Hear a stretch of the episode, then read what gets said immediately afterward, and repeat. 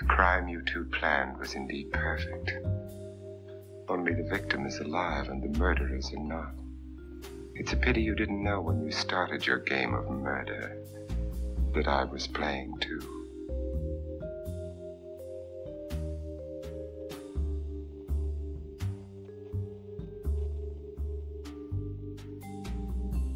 Stany Zjednoczone, rok 1974. Rok, w którym prezydent Richard Nixon jako pierwszy prezydent w historii rezygnuje z urzędu na skutek afery Watergate. Rok, w którym symbiotyczna Armia Wyzwolenia porywa Patty Hearst, wnuczkę prasowego magnata Williama Randolpha Hearsta. W 1974 roku na terenie kraju grasuje Ted Bundy, New York Times ujawnia nielegalne wewnętrzne szpiegostwo CIA, a jednym z najpopularniejszych filmów jest teksańska masakra piłą mechaniczną. Rok 1974 nie był łatwym czasem w historii kraju. Ale jedno się nie zmieniło. Stany Zjednoczone nadal uważane były za granicą za krainę mlekiem i miodem płynącą. Za jedyne miejsce na Ziemi, w którym amerykański sen był możliwy do spełnienia. Jedną z osób, która chciała sobie ten sen ziścić, był pochodzący z Indii Bikram Choudhury. Właśnie w 1974 roku otworzył w Beverly Hills swoją pierwszą szkołę jogi, niemal z miejsca przyciągając takich celebrytów jak Shirley MacLaine, Barbara Streisand czy Elvis Presley. Tylko co naprawdę kryło się za maską wspaniałego Hindusa, który czerpał radość z leczenia ludzi? Jakie sekrety chował przed swoimi hollywoodzkimi przyjaciółmi? Jakie trzeba było spełnić warunki, żeby móc dołączyć do jego, jak to sam nazywał, rodziny? Do tematu zainspirował mnie pewien dokument na Netflixie. Podlinkuję go Wam oczywiście w spisie źródeł. Jeśli więc ktoś również go zobaczył i chciałby poznać więcej szczegółów na temat tej sprawy, to zapraszam do posłuchania.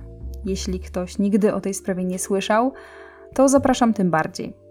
Jest to bowiem historia nie tylko o tym, jak można oszukać miliony ludzi, ale też o często pojawiającym się w mediach dylemacie moralnym. Czy można oddzielić dzieło od jego twórcy? Zacznijmy jednak od początku. Poznajcie naprawdę niezwykłą historię Bikrama. Bikram Chowdhury urodził się w 1944 roku w Kalkucie, mieście, które w tamtym czasie należało do Indii brytyjskich. Wszystko, co wiemy o jego dzieciństwie, wiemy wyłącznie z jego własnych opowieści. Kiedy miał 4 lata, rodzice wyrwali go z zakurzonych ulic miasta i zaciągnęli na rygorystyczne zajęcia jogi. Dlaczego rygorystyczne? Dlatego, że kształcenie obejmowało od 4 do 6 godzin ćwiczeń dziennie, codziennej medytacji oraz ścisłej kontroli dietetycznej. Nauczyciel obiecywał mu pensa za każdym razem, kiedy udałoby mu się ugryźć własne palce u stóp bez zginania kolan. Twierdził, że nigdy mu się to nie udało. Tutaj muszę od razu wspomnieć o tym, jak istotną postacią w tej historii będzie jego nauczyciel. W świat jogi wprowadził go bowiem Bishnu Ghosh, jogin, kulturysta i brat jednego z najsłynniejszych joginów w całych Indiach, Yoganandy. Celowo tutaj mówię w Indiach, bo oczywiście to były czasy, kiedy w zachodnim świecie, już nie mówiąc o Polsce, raczej mało kto wiedział, że coś takiego jak yoga w ogóle istnieje. Natomiast w Indiach o Goszu krążyły legendy.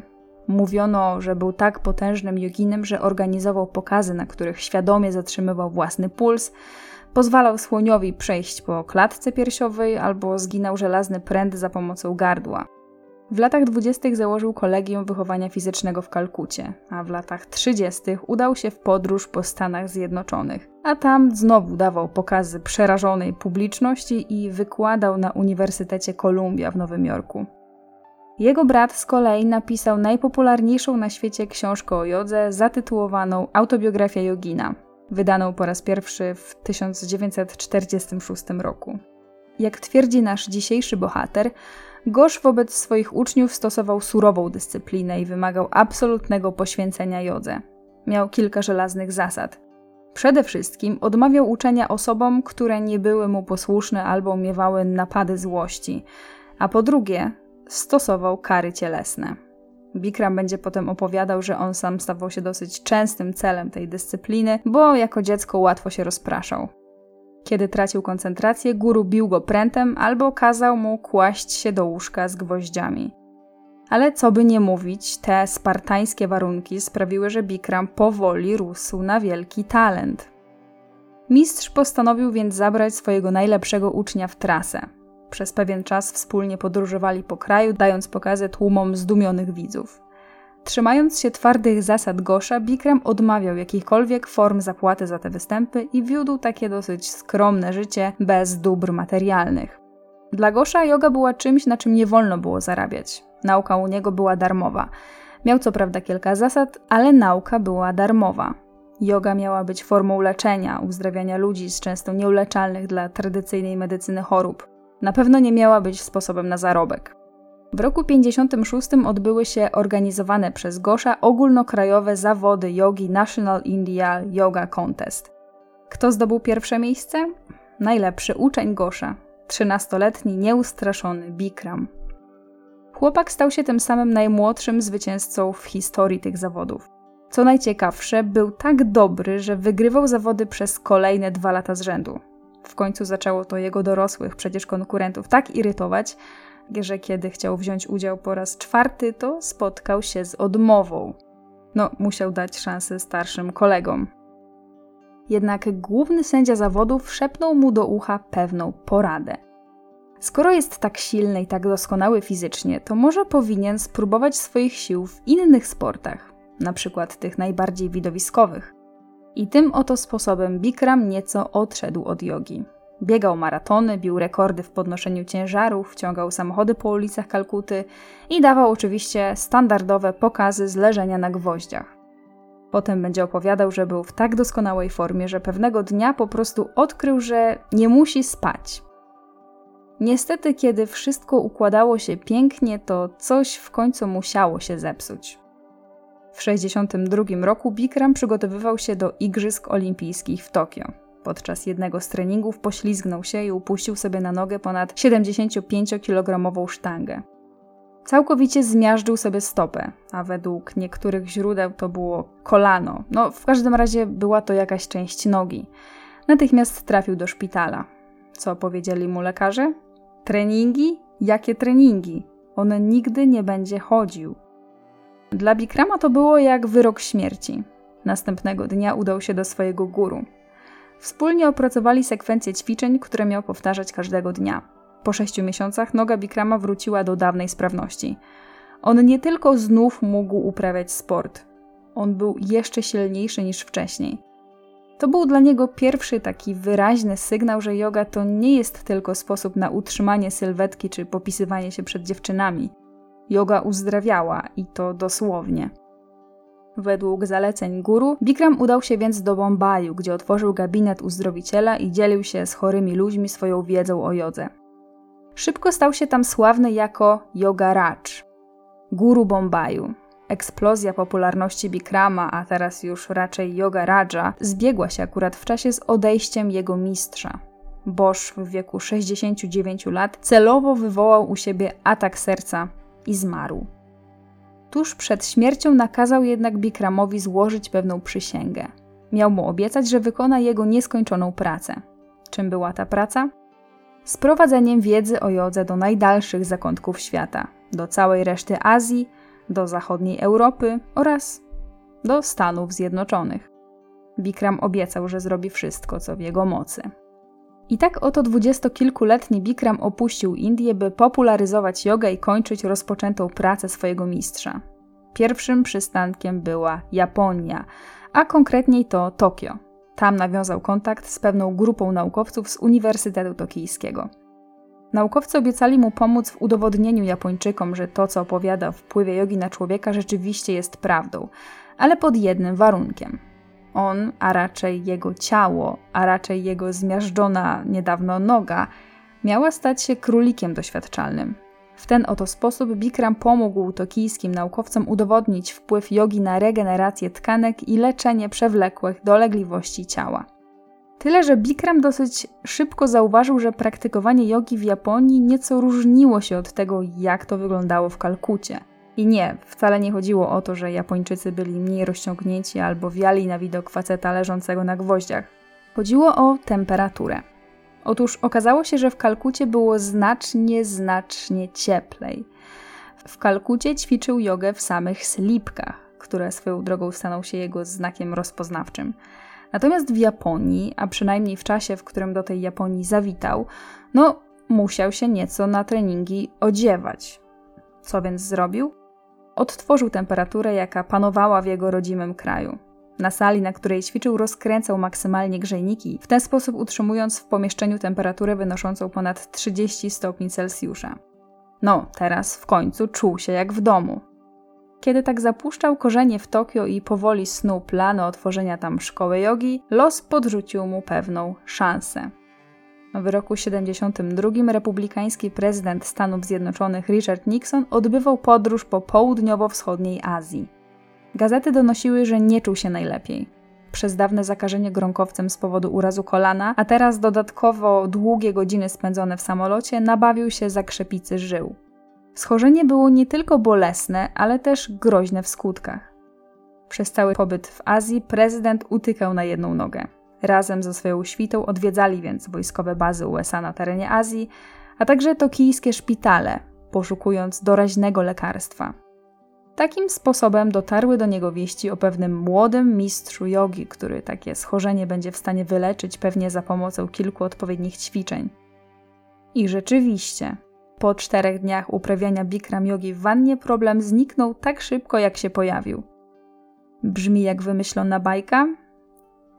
Słuchajcie, znalazłam nawet wycinek prasowy, w którym rzeczywiście czarno na białym piszą, że prezydent w czasie podróży nagle cudownie ozdrowiał. Nie piszą co prawda o żadnym guru i o żadnej jodze, ale piszą, że wyzdrowiał nagle. New York Times cytował oficjalnego lekarza prezydenta, który powiedział, tutaj ja zacytuję za cytatem: Prezydent jest zdrowy. Wszystko się wyjaśniło, ale Biały Dom nie będzie podawał żadnych szczegółów. No co tu dużo mówić, no enigmatycznie się wypowiedział. Uradowany natychmiastowym uzdrowieniem, Nixon miał wtedy rzec do Bikrama: Przyjedź do Ameryki i daj mojemu kraju swoją jogę. Kto by odmówił prezydentowi? Chwilę później rzeczywiście Bikram wylądował na lotnisku w kraju Richarda Nixona. Bez konta bankowego i bez wizy, ale za to z zieloną kartą otrzymaną od samego prezydenta Ameryki. Na lotnisku powitała go oficjalna świta wysokiej rangi urzędników. Bikram miał do nich tylko jedno pytanie: gdzie w tym kraju jego uzdrawiająca yoga przyda się najbardziej? Odpowiedź miała być krótka i oczywista: Hollywood. Dwa razy nie trzeba było powtarzać. Od razu udał się na zachodnie wybrzeże, by tam zacząć nieść jogę światu zachodu. Powiedziałam wcześniej, że w Ameryce mało kto wtedy wiedział, czym w ogóle jest yoga. Kłamałam. Nie no, żartuję, ale rzeczywiście nie do końca było aż tak źle. W końcu ludzie podróżowali po świecie dużo wcześniej, sporo osób wiedziało, że coś takiego istnieje. Już w XIX wieku amerykańska turystyka w Indiach była dosyć rozwinięta, a sami Amerykanie fascynowali się niezwykłymi, magicznymi dla nich zdolnościami joginów.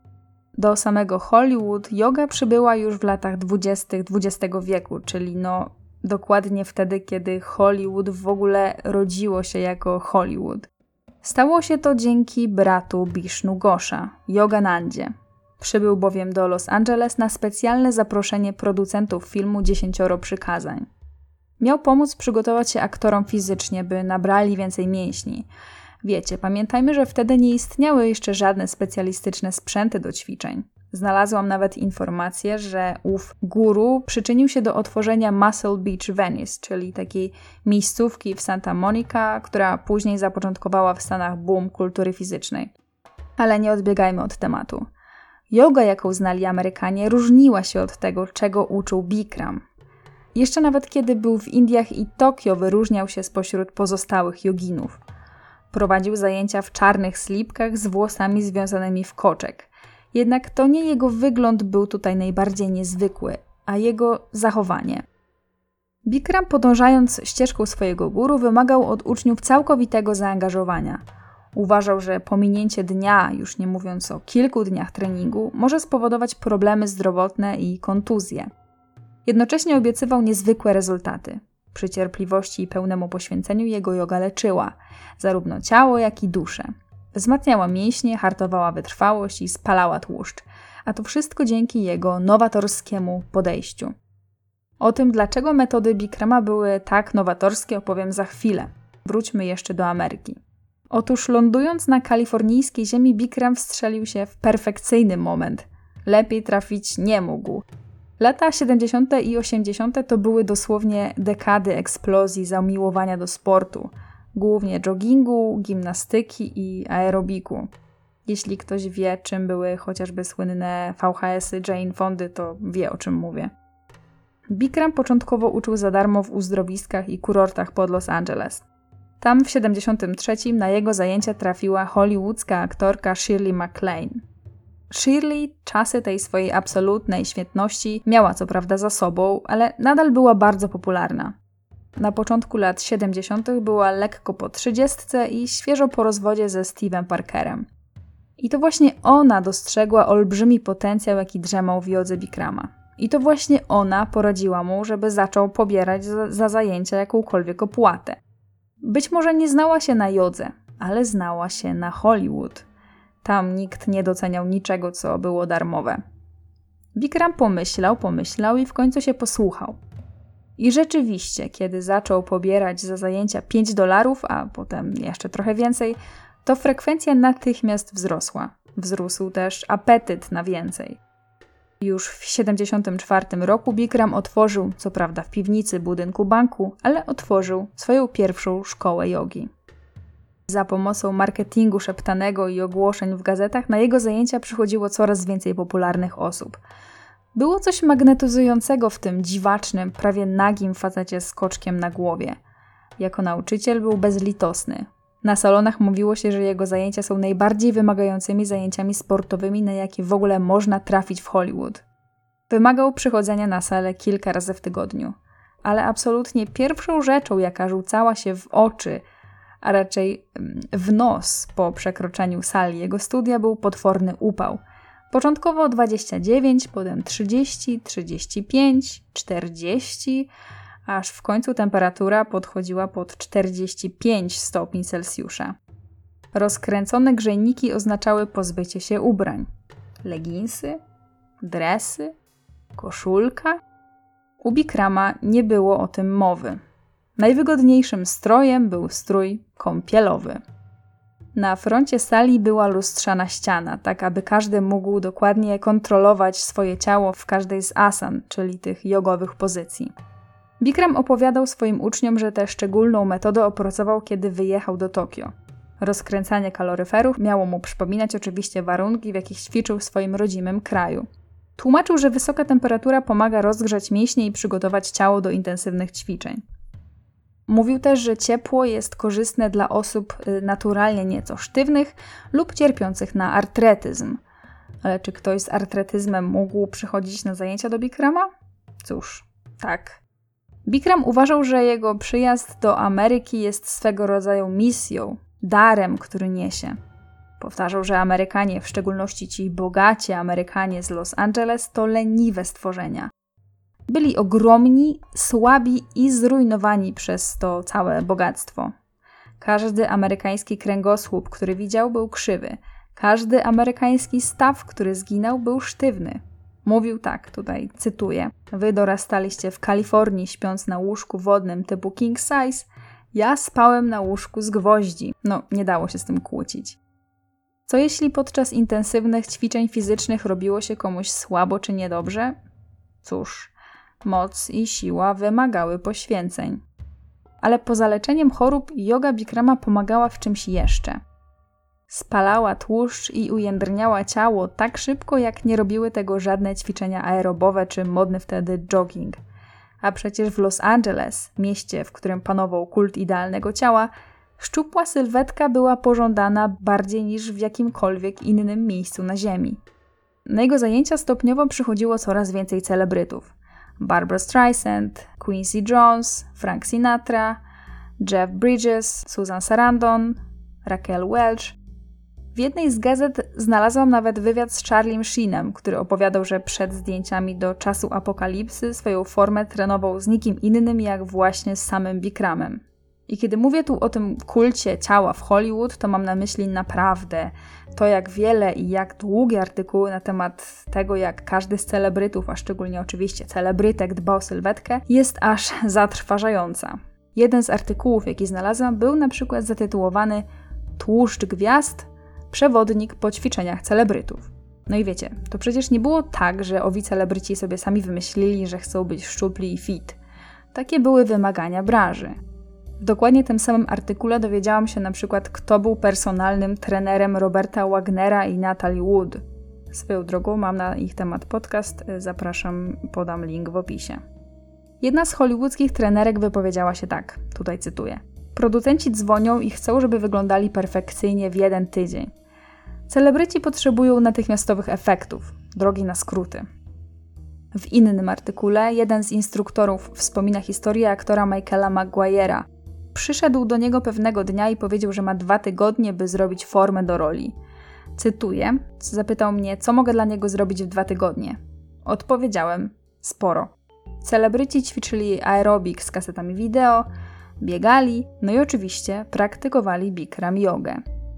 Jedną z największych ambasadorek jogi, poza oczywiście Shirley MacLaine, była aktorka Raquel Welch, która właściwie w każdym wywiadzie zachwalała to, jak wpływa na jej ciało i umysł. Z kolei aktorka Phyllis Davis mówiła tak. Za każdym razem, kiedy skończę robić Bikram jogę, przysięgam sobie, że już nigdy tego nie zrobię. Jeszcze zanim nastały lata 80., wszystkie klasy zajęć jogi Bikrama były wypełnione po brzegi.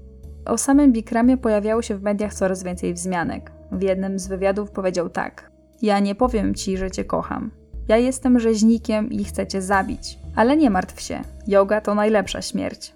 Nie zapominaj, że to jest sala tortur Bikrama. To było niezwykle ciekawe, bo chociaż w zajęciach Bikrama nie było nic przyjemnego, to jednak przyciągał naprawdę tłumy uczestników.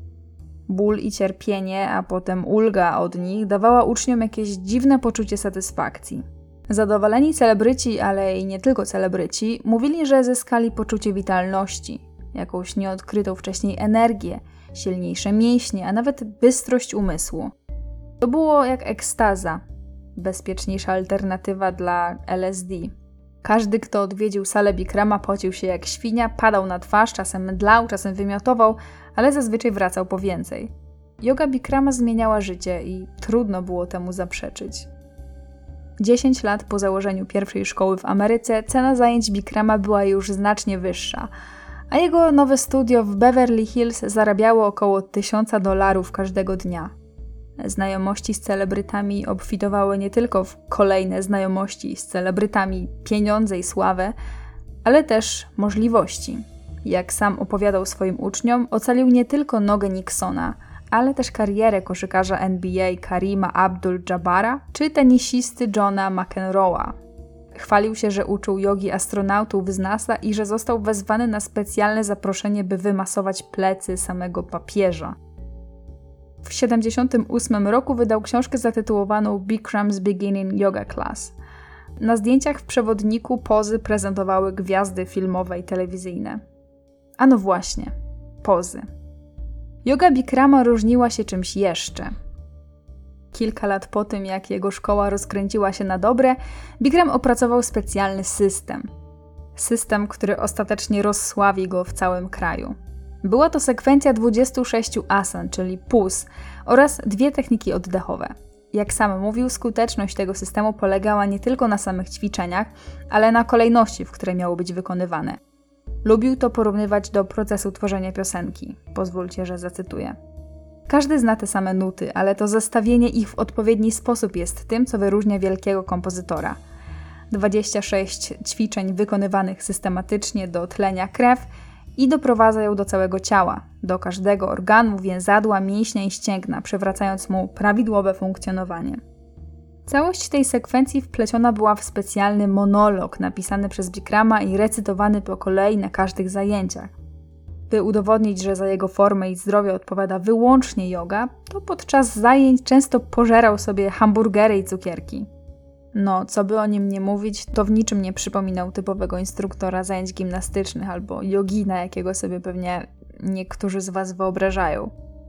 Pytany o to, czy tak zachowuje się jogin, odpowiadał z uśmiechem: Jogin z Beverly Hills tak.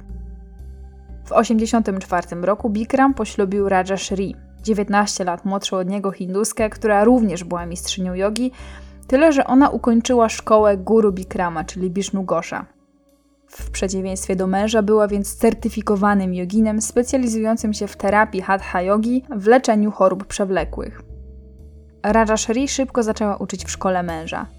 Sam w sumie żartował, albo może nie żartował, że poślubił ją wyłącznie po to, by mogła prowadzić szkołę, kiedy on przejdzie na emeryturę. Czego uczyła? Dokładnie tej samej sekwencji, z tym samym monologiem co Bikram, tyle że w sposób spokojniejszy i taki cichy i kameralny. Było więc dwóch nauczycieli, jedna szkoła i tysiące uczniów chętnych do poświęcenia całego swojego życia jodze. Tyle, że wielkie sale liczące nawet 400 osób na jednych zajęciach powoli przestały wystarczać. I tu z pomocą znowu przyszła aktorka Shirley MacLaine. Najwyraźniej na zasadach działania kapitalizmu znała się jak żaden inny doradca. Poradziła mu, żeby zaczął robić szkolenia i trenować nauczycieli, którzy uczyliby wyłącznie jego rodzaju jogi. Miałby więc nie tylko nauczycieli we własnej szkole, ale też perspektywy na zrobienie franczyzy i zarabianie kokosów. Szkoły Bikram Yogi mogłyby opanować cały kraj, a potem, kto wie, może i świat. Chociaż Bikram nie cierpiał formalności i papierologii, to w końcu udał się jej namówić.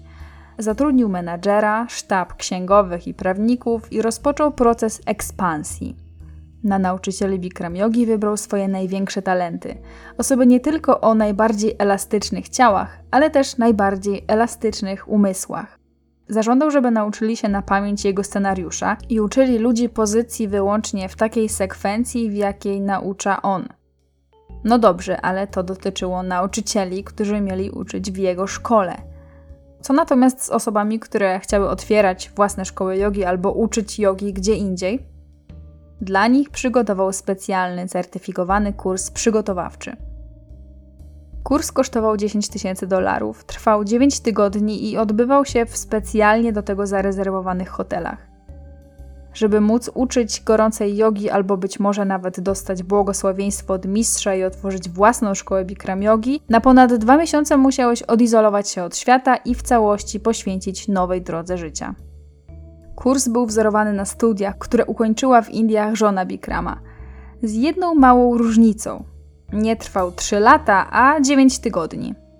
Kilka godzin dziennie ćwiczeń fizycznych i oddechowych od Bikrama, kilka godzin dziennie wykładów na temat filozofii i terapii jogą od Rajashri, a także osobne zajęcia z marketingu i prowadzenia jogi. Tak mniej więcej wyglądał program zajęć. Wśród głównych warunków uczestnictwa w kursie dla nauczycieli były konieczność ukończenia 21 roku życia, doskonałe umiejętności jogi, a także specjalne zaproszenie. No i co tu dużo mówić. Cały ten pomysł to był strzał w dziesiątkę.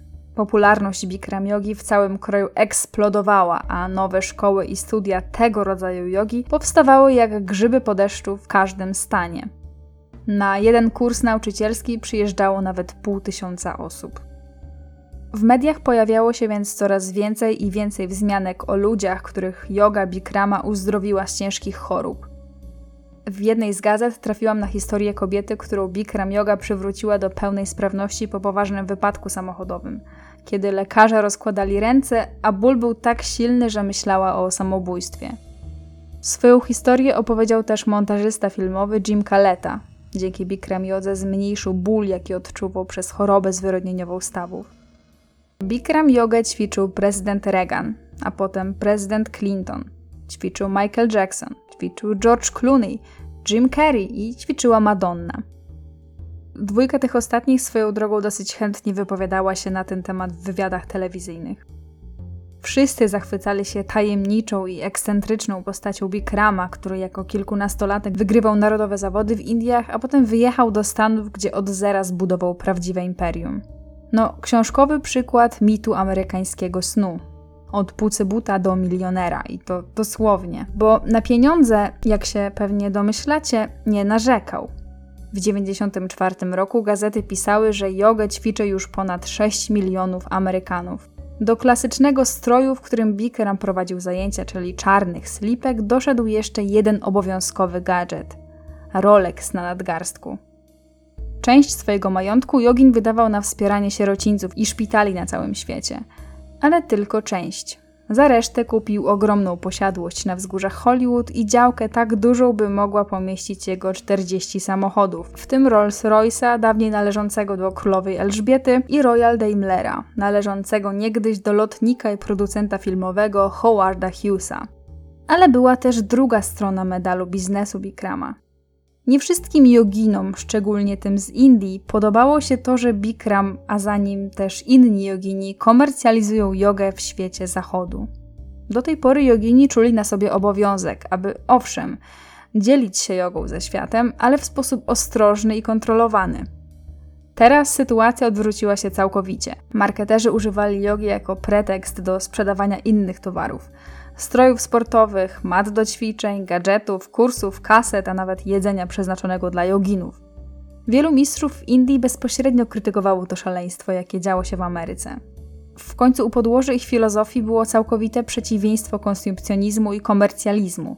Natomiast w Stanach cała ta powiązana z jogą duchowość nie miała zupełnie żadnego znaczenia. Ale Bikram poszedł według nich nie o jeden, ale o dwa kroki za daleko. Hinduscy jogini mówili, że różnica pomiędzy Bikramem a innymi joginami uczącymi w Ameryce była taka, że Bikram obiecywał ludziom cuda. Wmawiał im, że wyleczy u nich choroby przewlekłe i kalectwo. Żeby uczestniczyć w jego zajęciach nie było żadnych zdrowotnych ograniczeń. Na salę mógł przyjść każdy. Pod warunkiem oczywiście, że miał pieniądze. Jeśli ktoś z kolei chciał otworzyć własne studio Bikram Yogi, musiał podpisać cyrograf. Umowa z Bikramem zobowiązywała z jednej strony do płacenia Bikramowi, a z drugiej strony do prowadzenia studia na jego warunkach. Warunek najważniejszy w szkole Bikram Yogi można było uczyć wyłącznie Bikram Yogi. Jego yoga stała się towarem, zupełnie jak budy do biegania Adidasa, czerwona puszka Coca-Coli i Big Mac. A Bikram Yoga ze swoją siecią franczyz była już jak McDonald's. Do jakiego studia byś nie poszedł, dokładnie wiedziałeś, co cię czeka – w Teksasie, na Florydzie, w Kalifornii, wszędzie nauczyciel powtarzał dokładnie tę samą sekwencję ćwiczeń i recytował dokładnie ten sam monolog. Doszło nawet do tego, że nazywano jogę Bikrama mak jogą, ale jemu to nie przeszkadzało. Dla swoich uczniów Bikram był wielkim guru, niemal bogiem, którego już samo dotknięcie było zaszczytem. Zresztą, co ja będę opowiadać, niech przemówi jeden z artykułów y, z Los Angeles Timesa, którego znalazłam. Pozwólcie, że przytoczę. Wita swoich uczniów i ostrzega, co zaraz się wydarzy. Mówi do nich: W Ameryce jest takie powiedzenie: Możesz zabrać konia nad staw, ale nie zmusisz go, żeby pił. Mój sposób jest inny. Ja zabieram konia nad staw po to, żeby zmusić go, by pił. Jeśli tego nie robi, odcinam mu głowę. Potem prosi uczniów, aby się przedstawili. Mężczyzna podnosi rękę. Jestem z San Diego. Praktykuję jogę od 11 miesięcy. Kocham Bikrama, jest Bogiem. Wszystkie artykuły na temat Bikrama z końca lat 90. i początku lat 2000 są napisane w podobnym tonie. Szalony jogin guru, który uzdrawia ludzi, doprowadza ich do granic wytrzymałości fizycznej na ich własne życzenie w imię ich własnego rozwoju. Każdy uwielbia ten wysiłek, ten ból i to cierpienie. Każdy uwielbia Bikrama. Czytając wszystkie te teksty, zauważyłam pewną powtarzalność. Absolutnie nikt nie narzekał. Nie było też żadnych głosów krytyki w stronę Bikrama. No może według niektórych trochę, w cudzysłowie, za dużo zarabiał, ale w końcu facet nikogo do niczego nie zmuszał. Na jego zajęcia chodzili dorośli, odpowiedzialni ludzie. I ci sami dorośli, odpowiedzialni ludzie dobrowolnie otwierali swoje portfele. No cóż, do czasu, ale o tym zaraz. W 2002 roku Bikram postanowił swoją markę zabezpieczyć. Zarejestrował znak towarowy Bikram Yoga i załatwił sobie 8 praw autorskich na serię PUS oraz scenariuszy instruktorskich. W tym samym też roku pozwał, chyba jakoś tak ostrzegawczo, nie wiem, pozwał jedno ze studiów jogi w Kalifornii, które używało nazwy Bikram Yoga, ale nie zatrudniało przeszkolonych przez niego nauczycieli. Wygrał i zgodnie z orzeczeniem sądu owe studio musiało zapłacić nieujawnioną nigdy w mediach kwotę, a także zobowiązać się do zaprzestania prowadzenia zajęć z Bikram Yogi. Trzy lata później organizacja Open Source Yoga Unity zakwestionowała prawa autorskie Bikrama w sądzie. Ta sprawa również została rozstrzygnięta na korzyść Bikrama. W 2008 roku zarabiał około 6 milionów dolarów miesięcznie. Pieniądze miał nie tylko z prowadzenia szkoły, kursów czy franczyz, ale też z publicznych wystąpień, sprzedaży biletów na spotkania, sprzedaży płyt DVD i sprzedaży wydanej rok wcześniej drugiej w jego karierze książki. W 2009 roku 62-letni Bikram wpadł na pomysł kolejnego źródła dochodu. Chciał uchronić się przed nieuczciwymi nauczycielami czegoś, co oni nazwali Bikram jogą, a co z prawdziwą Bikram jogą niewiele miało wspólnego. Żalił się mediom, że w kraju namnożyły się setki studiów Bikram jogi prowadzonych przez osoby, które nigdy nie były na jego szkoleniu nauczycielskim. Mówił gazetom tak, tutaj cytuję. To tak jakbyś praktykował medycynę nie będąc lekarzem. Co więc zrobił Bikram? Zatrudnił sztab pracowników i każdej z tych szkół wysłał dokument z umową o franczyzie. Właściciele owszem mogli zachować w nazwie słowo Bikram, ale musieli oddawać mu procent dochodów, płacić 400 dolarów miesięcznie na pokrycie kosztów reklamy, a także uiścić opłatę początkową wynoszącą 10 tysięcy dolarów, czyli cenę tego szkolenia nauczycielskiego. Jeśli się nie zgodzą, mają obowiązek w ciągu 60 dni zrezygnować z prawa do używania jego nazwy i jego technik. Ale prawo nie było zbyt długo po jego stronie. W 2011 wytoczył proces jednemu ze swoich byłych studentów, który założył konkurencyjne studio jogi w pobliżu jednego z jego oficjalnych studiów Bikram Yogi. No i co się okazało? Otóż Urząd Praw Autorskich zmienił zdanie i tym razem wydał wyjaśnienie, że asany, czyli te pozycje w jodze, nie mogą być chronione prawami autorskimi. Studio byłego ucznia Bikrama mogło dowoli korzystać z jego pus, czy to w jego własnej sekwencji, czy to w sekwencji całkiem zmienionej. To był tak naprawdę pierwszy upadek Bikrama. Chociaż patrząc na to, co wydarzyło się potem, to ten upadek był chyba jedynie małym potknięciem. Takim przedsmakiem do tego, co będzie miało miejsce już niedługo. Jeśli więc jest ze mną ktoś, kto słucha mnie o tych, nie wiem ile to jest, 40 minut i zastanawia się, dlaczego opowiadam historię jakiegoś jogina i gdzie tu do jasnej ciasnej będzie jakiś przekręt albo chociaż drobny element kryminalny, to spokojnie. Tutaj zaczyna się robić mrocznie. 21 marca 2013 roku. The Guardian. Twórca gorącej jogi Bikram Choudhury został oskarżony o molestowanie seksualne i dyskryminację przez jedną ze swoich najlepszych uczennic. Założyciel międzynarodowego studia jogi Bikram przez lata miał prześladować psychicznie swoją uczennicę Sarę Bon, lat 29, twierdząc, że byli ze sobą związani w poprzednim życiu. Kobieta twierdzi, że w końcu jego prześladowanie stało się również fizyczne. Zgodnie z pozwem złożonym w sądzie cywilnym w Los Angeles, Jogin odmówił Bon tytułu mistrza międzynarodowego, który wygrała i uniemożliwił jej nauczanie, cytat, z powodu ciągłej odmowy uprawiania seksu ze swoim guru. Według pozwu Bikram powiedział kobiecie: Jestem taki samotny, umieram, czuję, że umieram. Nie będę żył, jeśli ktoś mnie nie uratuje. Moja żona jest taką suką, że nie masz pojęcia. Bon opisuje, że zaczęła ćwiczyć Bikram jogę w 2004 roku. Zachęcona przez nauczycieli w wieku 20 lat rzuciła studia, by poświęcić się jodze w pełnym wymiarze godzin. Zapłaciła Bikramowi ponad 7 tysięcy dolarów za udział w wyczerpującym 9-tygodniowym kursie szkoleniowym.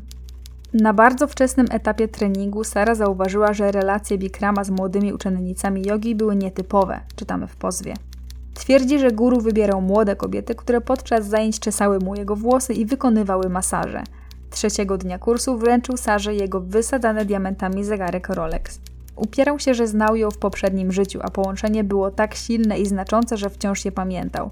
Kobieta zarzuca w pozwie, że kiedy skarżyła się na niego innym pracownikom studia, powiedziano jej, że Bikram nie jest dobrym człowiekiem, ale jest dobrym nauczycielem.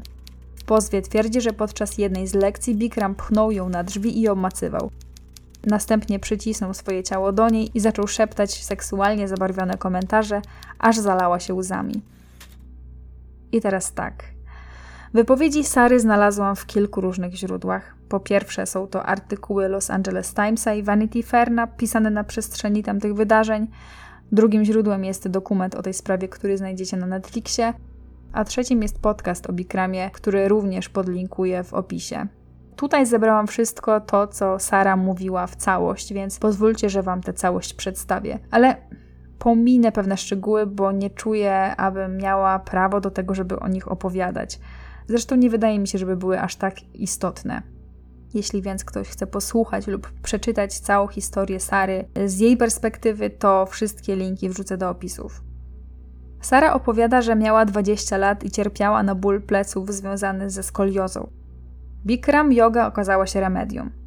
W 2004 roku poszła na pierwsze zajęcia i po prostu przepadła. Dla jogi rzuciła studia i dosyć szybko stała się pewnego rodzaju ulubienicą Bikrama, a przynajmniej jedną z ulubienic. Mówił do niej po imieniu, co naprawdę rzadko mu się zdarzało. Na początku jej to schlebiało, wiecie, była młodą dziewczyną, więc podejrzewam, że po prostu poczuła się wyjątkowa. W 2006 roku Sara usłyszała, że to już czas, żeby odbyć ekskluzywne dziewięciotygodniowe szkolenie nauczycielskie. No to pojechała. Przez pierwsze dwa dni wszystko wydawało się w porządku. Do czasu. Trzeciego dnia miała dziwne wrażenie, że Bikram się na nią gapi. Po zajęciach do niej podszedł, pocałował w policzek i powiedział, że pamięta ją z poprzedniego życia.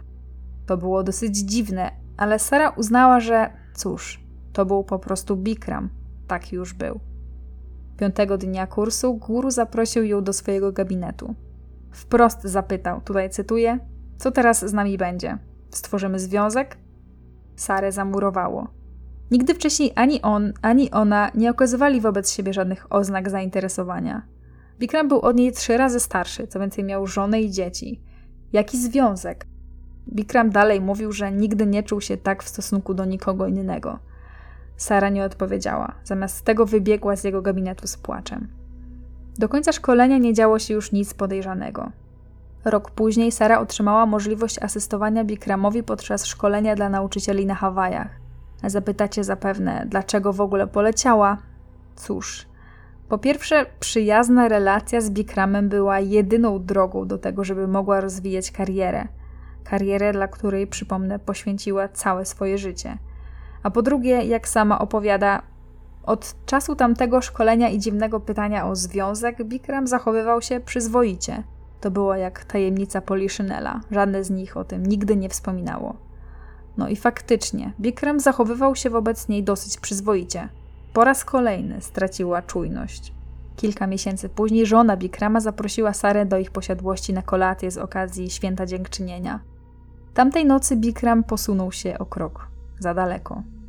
Kiedy Raja Shri spała, powiedział Sarze, że jego żona to dziwka, a on potrzebuje kogoś, kto by się nim opiekował.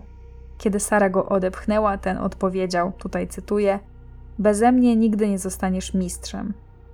I tak też się stało. W 2008 roku pojechała na międzynarodowe mistrzostwa w jodze. Zajęła drugie miejsce, chociaż uważała, że zdecydowanie zasłużyła na pierwsze. Jak czytamy w jej pozwie, jeden z sędziów powiedział jej, że co prawda wszyscy uznali ją za zwyciężczynię, ale Bikram, który był przecież wielką szychą, uchylił decyzję sędziów. Sara wróciła do domu ze srebrnym medalem. Sama nie wie czemu znów uznała, że Bikram już po prostu taki jest. W tym samym roku po raz kolejny poleciała z Bikramem na obóz szkoleniowy, tym razem do Acapulco. Dlaczego znowu pchała się w paszczę lwa? Nie mam pojęcia. Podejrzewam, że Bikram robił jej w głowie taki emocjonalny rollercoaster i był takim mistrzem manipulacji, że Sara mogła mu jeść z ręki. Po drugie, uważała, że przy ludziach Bikram będzie się hamował. Jak czytamy w pozwie, prosiła starszych asystentów Bikrama, żeby nie pozwalali jej zostać z nim sam na sam. W Acapulco sprawy stały się znacznie poważniejsze. Okazało się, że Bikram ma pewien dosyć nietypowy rytuał wieczorny. Każdego wieczoru oglądał w swoim pokoju hotelowym filmy bollywoodzkie. Ale nie sam.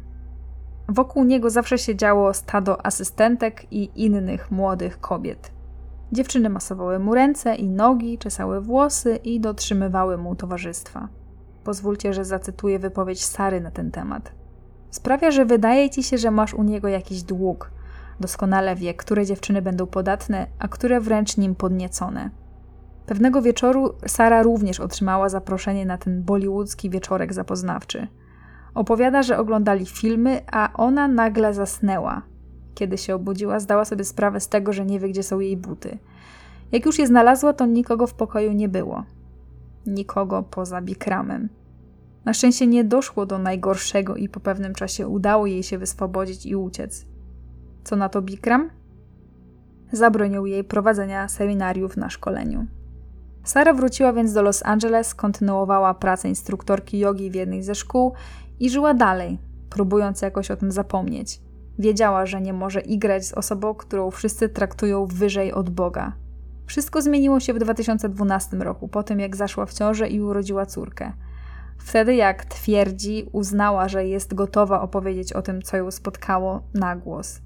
Nie tyle dla siebie, ale po to, żeby uchronić inne, często dużo młodsze od niej dziewczyny. I wiecie co? Kiedy pozew Sary trafił do sądu, to zaczęły się odzywać inne kobiety. Do końca 2013 roku pięć kobiet złożyło pozwy, oskarżając Bikrama albo o molestowanie, albo o gwałt, albo o jedno i drugie. Większość z nich opowiada niemal identyczne historie co Sara. Pierwszy pozew pojawił się już trzy tygodnie później. Powódką była anonimowa kobieta, którą prasa określała jako Jane Doe 1. Wspominane przez nią wydarzenie miało miejsce w 2011 roku, kiedy za namową Bikrama, podobnie jak Sara, wyjechała na szkolenie nauczycielskie. Zgodnie z pozwem, Bikram początkowo opowiadał jej, że ma wyjątkowe dary i nigdy nie spotkał nikogo takiego jak ona. Pewnego poranka, jak gdyby nigdy nic, zgwałcił ją w jego własnym pokoju hotelowym. W przeciwieństwie do Sary, ta kobieta całkowicie odeszła od społeczności Bikram Yogi. Ale została bez pracy i jako bankrutka. W swoim pozwie zarzuciła mu też przetrzymywanie, dyskryminację i nękanie.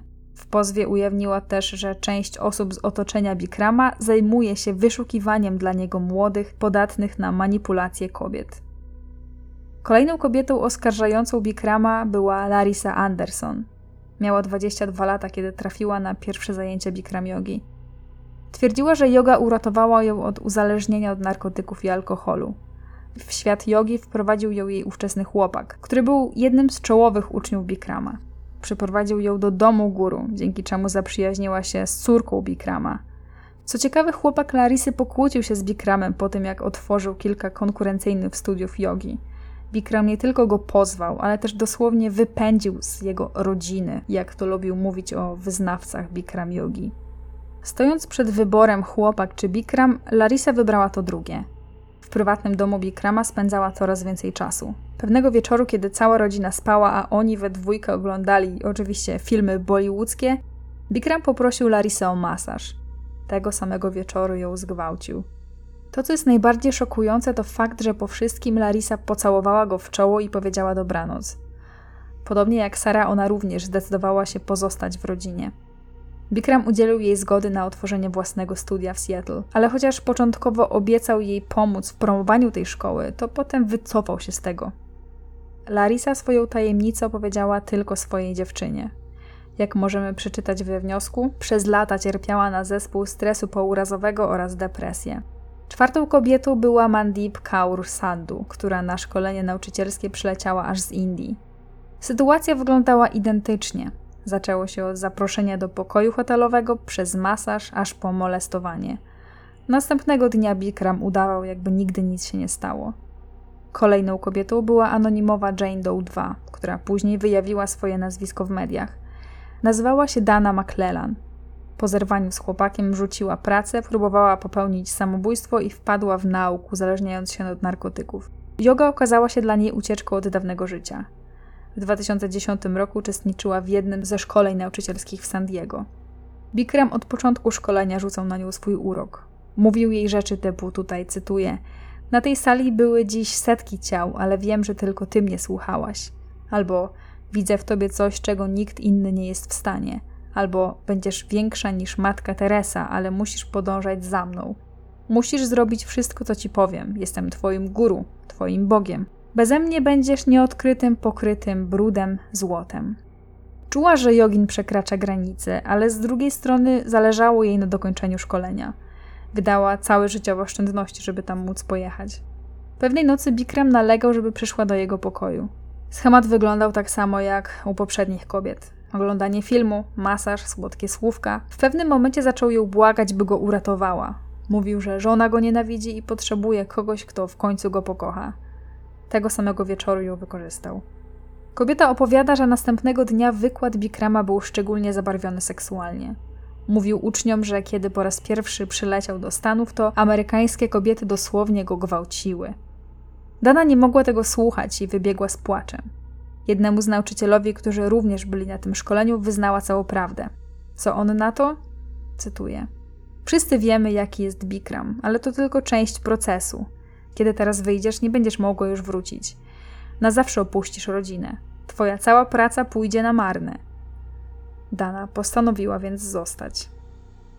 W toku tych wszystkich wydarzeń wyszło na jaw, że już wcześniej ktoś podał Bikrama do sądu.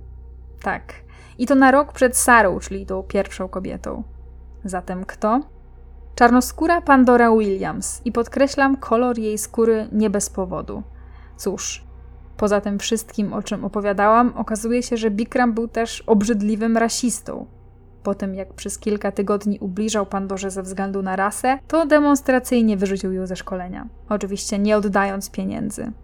Departament Policji Los Angeles wszczął dochodzenie w sprawie zarzutów. No i zaczęła się medialna nagonka. Nie tylko na Bikrama. Na kobiety również. Społeczność rodziny Bikrama podzieliła się na dwie części. Spora część właścicieli studiów Bikram Yogi w całym kraju wyrzuciła słowo Bikram ze swoich oficjalnych nazw. Wielu z nich wyrzuciło nawet 26 puz Bikrama ze swojego programu zajęć. Ale byli też tacy, którzy bronili Bikrama, sugerując, że kobiety, które go pozwały, chcą jedynie skorzystać na jego majątku. Nie byli w stanie uwierzyć, że ich guru przywódca ich rodziny, twórca czegoś, co odmieniło ich życie i zdrowie, mógł okazać się, no cóż, chyba po prostu złym człowiekiem. Tylko mnie zastanawia jedno: czy rzeczywiście nikt z nich niczego podejrzanego wcześniej nie zauważył? Od momentu upublicznienia historii Sary zauważyłam, że dyskurs w mediach odwrócił się o 180 stopni. I tak jak wcześniej Bikram przedstawiany był jako hollywoodzkie objawienie, które korzysta z surowej dyscypliny dla dobra uczniów, tak teraz spartańskie warunki Bikram jogi nagle zaczęły być głośno krytykowane. Mam wrażenie, że klapki na oczach powoli opadały.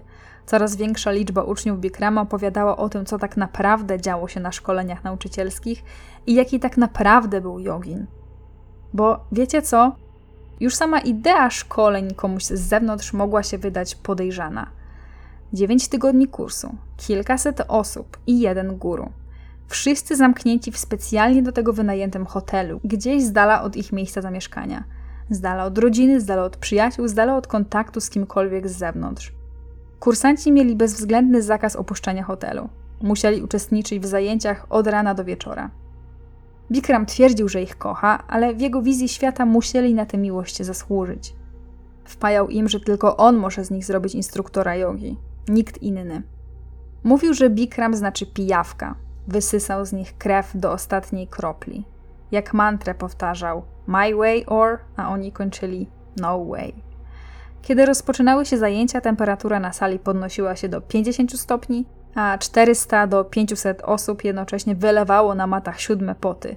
Natomiast Bikram siedział na scenie z przodu, chłodzony klimatyzatorem. Kiedy zajęcia się zaczęły, nie można było z nich wyjść. Nieważne czym dlałeś, wymiotowałeś, czy musiałeś wyjść do toalety. W podcaście na ten temat usłyszałam nawet wspomnienie jednej z kobiet, która mówi wprost, że niektórzy robili pod siebie. Wiedział, jak grać na emocjach. W jednej chwili był twoim najlepszym przyjacielem, a chwilę potem wyzywał cię, nie przebierając w słowach. I kiedy mówię nie przebierając, to mam na myśli naprawdę nie przebierając. Nienawidził ludzi otyłych i nienawidził koloru zielonego. Na zajęcia absolutnie nie można było mieć na sobie ubrania w kolorze zielonym. W wywiadzie z 2013 roku, czyli tuż przed oskarżeniami, chwalił się, że już pół miliona ludzi na świecie doświadcza dobrodziejstwa Bikram Yogi. Zapytany o to, jak przekonał ich do siebie, powiedział, tutaj cytuję: Jestem Bikram. Nie jem, śpię mniej niż 30 godzin w miesiącu. Nie ma na świecie nikogo czystszego ode mnie. Może i milion osób znało Bikram Jogę, ale szkolenie nauczycielskie to był zupełnie inny, zamknięty system. Uczestnictwo w kursie było przywilejem danym od samego mistrza, nie trafiał tam nikt przypadkowy, więc jeśli już ktoś się tam znalazł, to musiał się czuć wybrańcem. Takie było założenie. Piąty tydzień szkolenia określano tygodniem seksu, cokolwiek to znaczyło. Pod koniec każdych zajęć ustawiała się do niego długa kolejka kobiet, które marzyłyby móc pomasować mu dłonie, stopy albo chociaż czesać jego włosy. Co na te wszystkie oskarżenia sam Bikram? W wywiadzie dla CNN powiedział, tutaj cytuję: Nie muszę nikogo zmuszać do tego, żeby uprawiał ze mną seks. Miliony kobiet zgłosiłoby się na ochotnika. Shirley MacLaine i inne hollywoodzkie gwiazdy, które oczywiście jeszcze żyły, odmówiły mediom komentarza. Z tego co widzę, milczą do dziś, ale jeśli ktoś znajdzie jakieś wspomnienie na ten temat, to śmiało można podsyłać. Co zastanawiające, to po zapoznaniu się z policyjnymi dowodami, prokuratura zdecydowała się nie wnosić oskarżeń. Powód? Niewystarczająca liczba dowodów. W dokumencie na Netflixie jedna z osób wprost sugeruje, że prokuratura po prostu bała się wnosić oskarżenia przeciwko tak wpływowej osobie. Terminy rozpraw cywilnych dla spraw pięciu z sześciu kobiet wyznaczono na rok 2017. Zanim jednak cokolwiek w tych sprawach ruszyło, Amerykę obiegło wiadomość, że Bikram niespodziewanie zwolnił swoją prawniczkę, pochodzącą z Indii Minakshi Jaffa Boden, pseudonim Miki, więc pozwólcie, że będę korzystała z tego pseudonimu Miki. W wywiadzie z Miki dowiadujemy się, że po usłyszeniu tych wszystkich historii kobiet sama rozpoczęła wewnętrzne śledztwo. W końcu była blisko rodziny Bikrama. Z szacunku do jego żony próbowała namówić ją, żeby odebrała mu całą władzę. W odpowiedzi usłyszała tylko: Pamiętaj o swojej córce, nie prowokuj go. Jakiś czas później Bikram zaprosił ją do swojego domu i nakazał zastraszyć jej jednego ze świadków i zmusić do milczenia. Kiedy kobieta odmówiła, ten ją zwolnił. Albo może, jak to pan guru dyplomatycznie określił, usunął ją z pełnienia funkcji, bo jak twierdził swoją drogą niezgodnie z prawdą, nie miała licencji na praktykowanie prawa na terenie Stanów Zjednoczonych. Miki się wkurzyła i też go pozwała, domagając się zadośćuczynienia. Wśród zarzutów były m.in. dyskryminacja, nieuzasadnione bezprawne zwolnienie oraz napaść na tle seksualnym. No i dzięki tym wszystkim pozwom mamy całkiem dużo materiałów wideo z przesłuchań wstępnych Bikrama. Oczywiście o ile się już na nich pojawiał, bo z tego co mi wiadomo, to rzadko zaszczycał ich swoją obecnością. Twierdził, że sławni ludzie nie składają zeznań. Kiedy już przychodził, to ciągle powoływał się na piątą poprawkę. Prawników zmieniał siedmiokrotnie. Uważał, że stoi ponad prawem. Zanim jeszcze rozpoczął się proces, żona Bikrama złożyła pozew o rozwód. To nie było szczególnie szokujące, bo od dawna nie żyli jak mąż i żona. Tylko, że to się stało raczej nie z powodu tych oskarżeń. Wiele osób zwróciło uwagę, że rozwód to był wygodny sposób na przeniesienie majątku na nazwisko żony. Jeśli prawniczka rzeczywiście coś ugra, no to on nie będzie miał z czego wypłacić odszkodowania. Sprytne. No i taki był chyba plan, bo podczas zeznań już na sali rozpraw Bikram powiedział, że i tak nie zapłaci żadnego odszkodowania, bo jest bankrutem. Media szacowały, że zarabiał około 7 milionów dolarów rocznie. W jego franczyzie było około 650 szkół, od których zbierał 7% przychodów, a co roku na szkoleniu nauczycielskim za ponad 12 tysięcy uczestniczyło około 500 osób. On jednak twierdził, że w ciągu ostatnich trzech lat nie zarobił ani centa.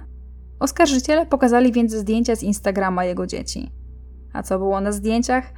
Na przykład nowiutkie Bentleye podpisane Dzięki tato, no komedia. Bikram na to, że te samochody w ogóle nie są jego. No to czyje? Y, stanu Kalifornia. Zaczął opowiadać przed ławą przysięgłych, że ma układ z gubernatorem Jerem Brownem. Ten miał mu ponoć obiecać, że jeśli przekaże samochody stanowi Kalifornia, to gubernator wybuduje szkołę pod imieniem Bikrama. Jaką szkołę? Trzymajcie się mocno. Szkołę inżynierii Bikrama dla dzieci, w której miałyby się uczyć, jak konstruować Bentleye. Oczywiście, żeby podkreślić swoje koneksje z polityką, pochwalił się, jak w latach 70. uzdrowił prezydenta Nixona i jak ten w ramach podziękowania podarował mu zieloną kartę. I wiecie co? Prawnicy to sprawdzili. I co się okazało? Że to kompletna bzdura. W żadnych dokumentach, notatkach, wspomnieniach Nixona nigdzie, podkreślam, nigdzie nie było żadnej wzmianki o Bikramie ani o kimkolwiek podobnym do niego. Ława przysięgłych rżała ze śmiechu, a Bikram a Bikram, schodząc z miejsca dla świadków, pokazał swoim prawnikom kciuk do góry. On chyba naprawdę w to wszystko wierzył. 25 stycznia 2016 roku sąd nakazał 69-letniemu Bikramowi zapłatę 900 tysięcy odszkodowania byłej prawniczce. Następnego dnia przyznano jej 6,5 dodatkowych milionów odszkodowania karnego. 5 lutego media znowu się zagotowały. Ciszę przerwała Jill Lawler, kolejna ofiara Bikrama. Sprawa Jill jest o tyle inna od reszty, że w momencie zdarzenia miała 18 lat, czyli według prawa stanu była osobą nieletnią. Osobiście musiała napisać pismo do Bikrama, by zgodził się, żeby wzięła udział w kursie nauczycielskim. Ostatecznie się udało, więc w 2010 roku poleciała na zamknięty kurs do Las Vegas. Zgodnie z jej pozwem, Bikram zastosował wobec niej swoją standardową taktykę. Powtarzał jej, że Bóg chce, żeby byli razem, jeśli mu się nie odda, to on zachoruje na raka prostaty i umrze. Tak, wiem jak to brzmi. Potem przyszła kolejna masaż. Bikram zaprosił ją na nocny seans filmów bollywoodzkich i zażądał masażu stóp. Reszty możecie się domyślić. Sytuacja zdarzała się jeszcze wielokrotnie. Nie tylko na tym kursie, ale też w Los Angeles, potem na kursie w San Diego. Tym podcaście, o którym mówię, Jill opowiada, że w 2013 roku uciekła przed nim do Indii i tam też ją znalazł. Pozwólcie, że zacytuję fragmenty jej wypowiedzi. Czułam się zobowiązana, aby nie uważał, że jestem leniwa albo że coś lekceważę, lub żeby po prostu nie odmówił mi wydania certyfikatu nauczyciela. On wybiera z tłumu słabszych, a potem na nich żeruje. Pozew Jill przeciwko Bikramowi trafił do sądu w sierpniu 2006 roku. Tyle, że Bikrama na miejscu już nie było. Przez cztery miesiące po ogłoszeniu werdyktu w sprawie prawniczki próbował wywozić swoje samochody do Dubaju. W maju, jeszcze przed rozpoczęciem kolejnych rozpraw, Bikram zbiegł do Indii. W październiku jego adwokat wydał oświadczenie, że Jogin nie wróci do Stanów Zjednoczonych, by osobiście bronić się w toczących się rozprawach sądowych.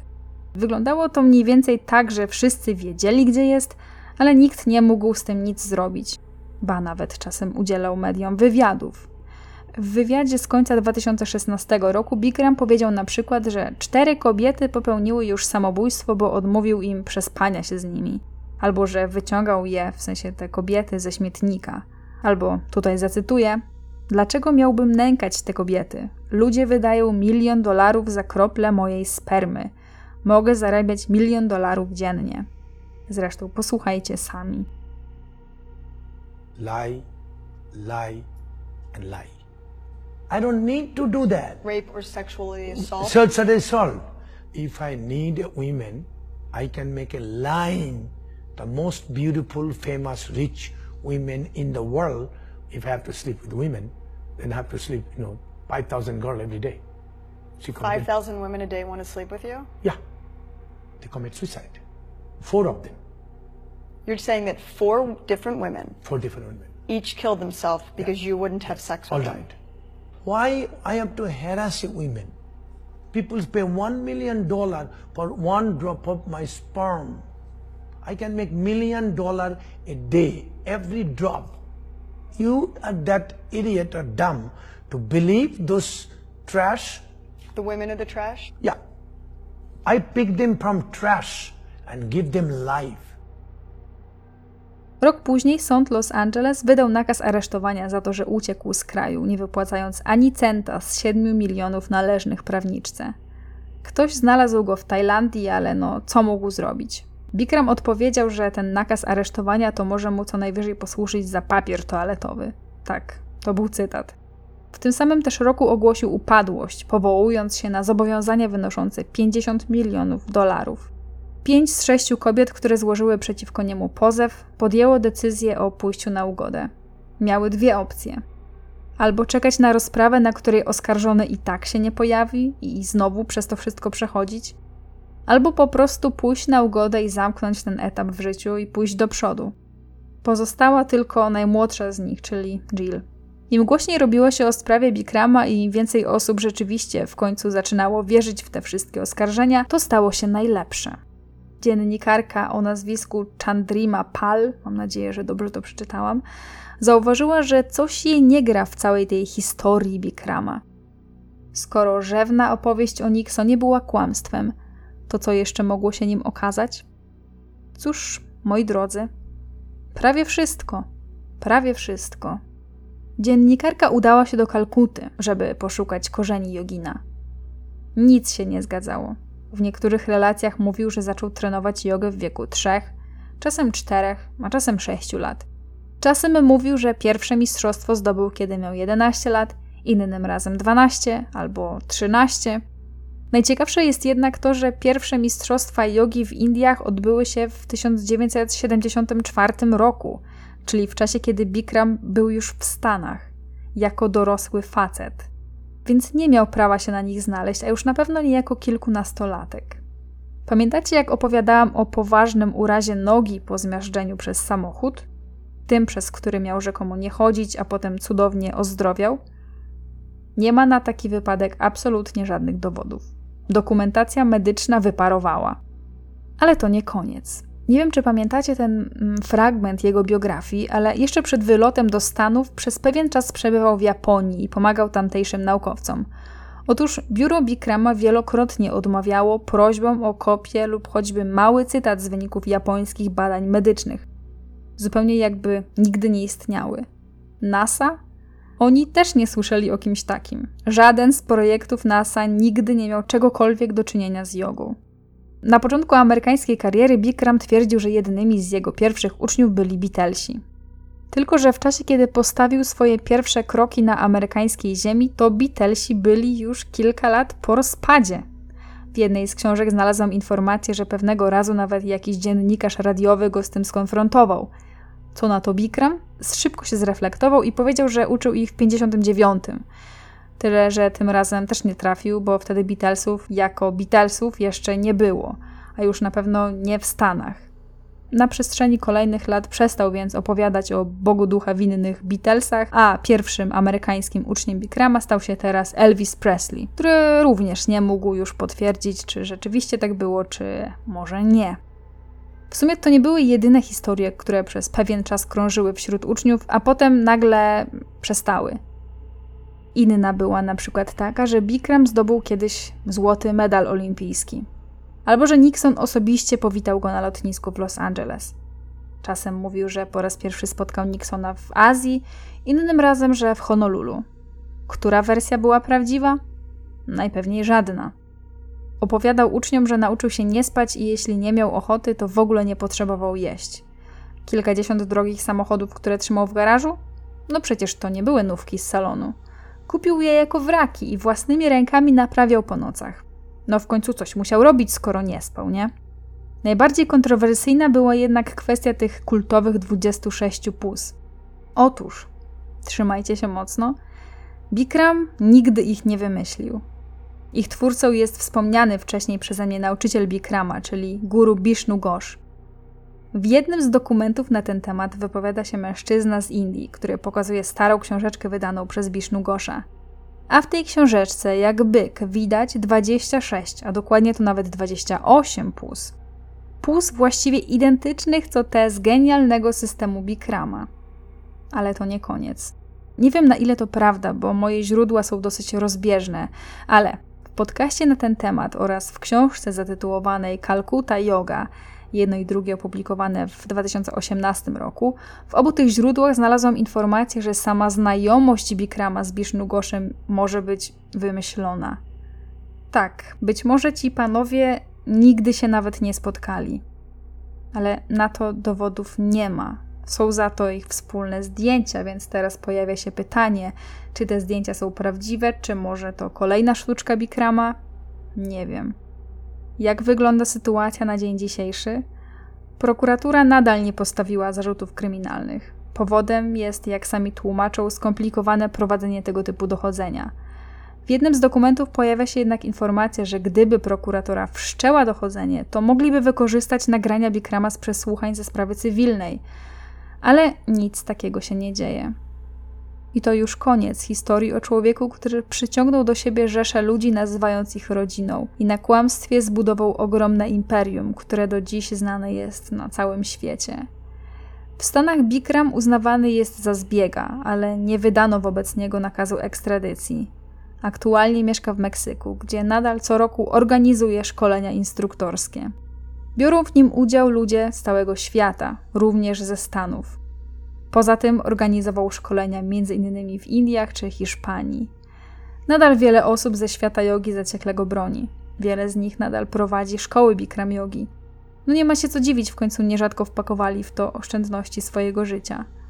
Wiele osób nadal zachwyca się tym, że Bikram yoga przywróciła im sprawność i zdrowie. Część z nich nawet nie wie, że istnieje ktoś taki jak Bikram. No i tu pojawia się pytanie: na ile można oddzielić artystę od sztuki, twórcę od jego dzieła? Chociaż w tym przypadku to raczej powinniśmy mówić propagatora, a nie twórcę. Przecież relacje ludzi są rzeczywiste. Wielu z nich z pewnością ta yoga uratowała życie i zdrowie. Nie mam co do tego żadnych wątpliwości. Pozostawiam Was z tym pytaniem i chętnie podyskutuję w komentarzach, jeśli oczywiście słuchacie mnie na YouTubie. A ten, kto pozostał ze mną do końca, niech zostawi komentarz. Hmm, no dobra, napiszcie przekornie zimna yoga. Dzięki.